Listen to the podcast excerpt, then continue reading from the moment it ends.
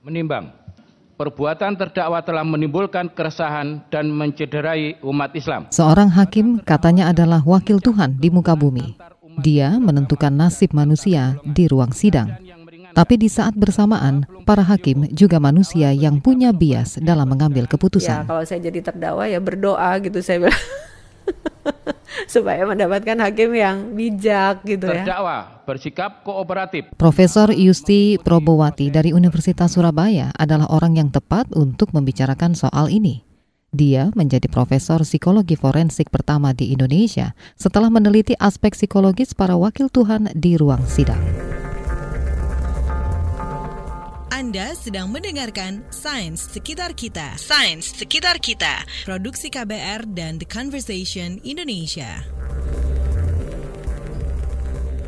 Benar ini gara-gara kopi. Tapi, tapi satu hal yang saya tahu dan saya yakinkan, saya tidak menaruh racun di kopi yang diminum Mirna dan Ani. Masih ingat dengan persidangan kasus pembunuhan kopi beracun ini? Setelah drama panjang di dalam dan di luar persidangan, majelis hakim akhirnya menghukum terdakwa 20 tahun penjara untuk kasus pembunuhan berencana, sama persis seperti tuntutan jaksa sebelumnya. Vonis ini sebetulnya sudah diprediksi Profesor Yusti.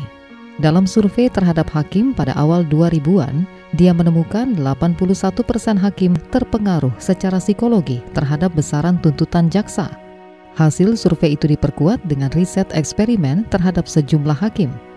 Hasilnya serupa, putusan hakim segendang sepenarian dengan tuntutan jaksa. Begitu jaksa itu memberikan requisitur sekian, hakim tuh pasti putusannya nggak akan jauh-jauh gitu ya.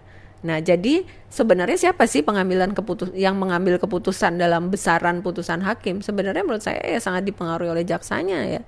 Karena jaksa itu menjadi satu pelaku hukum yang memberikan decision sebelum hakim itu mengambil satu keputusan. Selain pengaruh tuntutan jaksa tadi, karakter kepribadian seorang hakim ternyata juga sangat-sangat menentukan putusannya di pengadilan. Nah orang yang berkepribadian otoritarian, dia nggak akan bisa ngelihat yang abu-abu. Dia akan kalau nggak gini ya gini gitu ya hitam putih gitu ya. Nah hakim yang berkepribadian otoritarian itu dalam riset eksperimen saya dia lebih memberikan hukuman yang lebih tinggi dibandingkan hakim yang tidak berkepribadian otoritarian. Penyidik KPK menangkap delapan hakim di lingkungan Pengadilan Negeri Medan Sumatera Utara. Penangkapan diduga terkait suap penanganan kasus tindak korupsi di Medan Sumatera Utara. Seringkali kita mudah menuduh hakim menerima suap saat keluarkan putusan yang dianggap tidak adil. Memang sih, kasus-kasus hakim nakal itu banyak terjadi.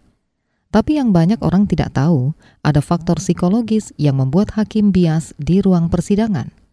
Itu sebetulnya inti riset Profesor Yusti. Saya pernah Bu mendengar satu kasus ada hakim yang memberikan hukuman terhadap kasus pencurian itu sangat berat gitu ya. Kenapa gitu? Karena semalam sebelum dia mengambil keputusan, malam eh, dua malam sebelumnya dia itu kecurian gitu ya rumahnya.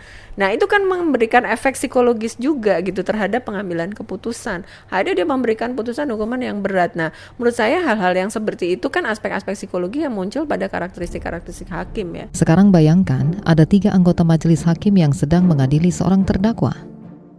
Masing-masing hakim tentu punya kepribadian berbeda dan mungkin biasnya sendiri-sendiri. Lantas, bagaimana cara hakim mengambil satu keputusan seandainya masing-masing mereka punya besaran hukuman yang berbeda? Profesor Yusti menanyakan kepada para hakim dan Terus jawabannya hakim, halah bu susah amat gitu ya, ya udah diambil tengahnya gitu ya. Hal yang seperti itu mungkin karena beban mereka juga udah sangat berat gitu ya.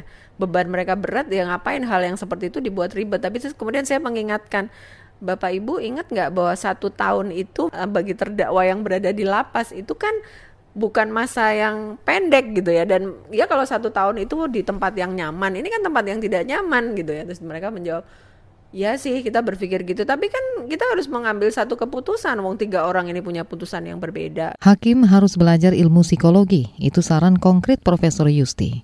Ilmu itu sangat bermanfaat, misalnya saat hakim harus menentukan sebuah motif kejahatan pembunuhan yang ada banyak bentuknya. Nah, itu kan sebenarnya aspek psikologi ya.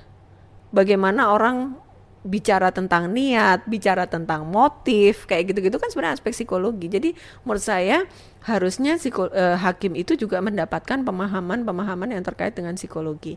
Mengadili, menyatakan terdakwa Insinyur Basuki Cahayapurnama alias Ahok terbukti secara sah dan meyakinkan bersalah melakukan tindak pidana penodaan agama. Indonesia punya sekitar 7.000 hakim yang bertugas di seluruh Indonesia dari berbagai tingkatan pengadilan masih kurang 4.000 untuk jumlah ideal menurut Mahkamah Agung. Mereka tentu harus menjalani serangkaian pendidikan sebelum diberi kewenangan mengadili manusia lain. Profesor Yusti berharap betul riset psikologi forensik bisa memperbaiki kualitas peradilan Indonesia. Ya memang apa yang saya sampaikan ini tidak mengenakan bagi uh, hakim gitu ya. Tapi seperti yang saya bilang, ini sebenarnya kecintaan saya terhadap profesi hakim karena ayah ibu saya dulu juga hakim gitu ya. Sains Sekitar Kita. Sains Sekitar Kita. Produksi KBR dan The Conversation Indonesia.